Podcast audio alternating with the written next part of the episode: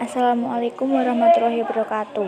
Perkenalkan nama saya Jessica Fitria Maharani dari kelas 10 IPS 3. Di sini saya akan membuat podcast yang berjudul Kerajaan Sriwijaya. Kerajaan Sriwijaya adalah kerajaan Buddha bercorak Mataram yang mengontrol jalur utama Selat Malaka.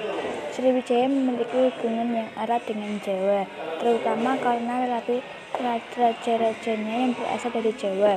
Kemunculan Sriwijaya pada abad ke-6 Masehi sendiri masih menimbulkan sejumlah pertanyaan karena ekosistemnya yang lebih lambat dibandingkan kota-kota di Asia Tenggara.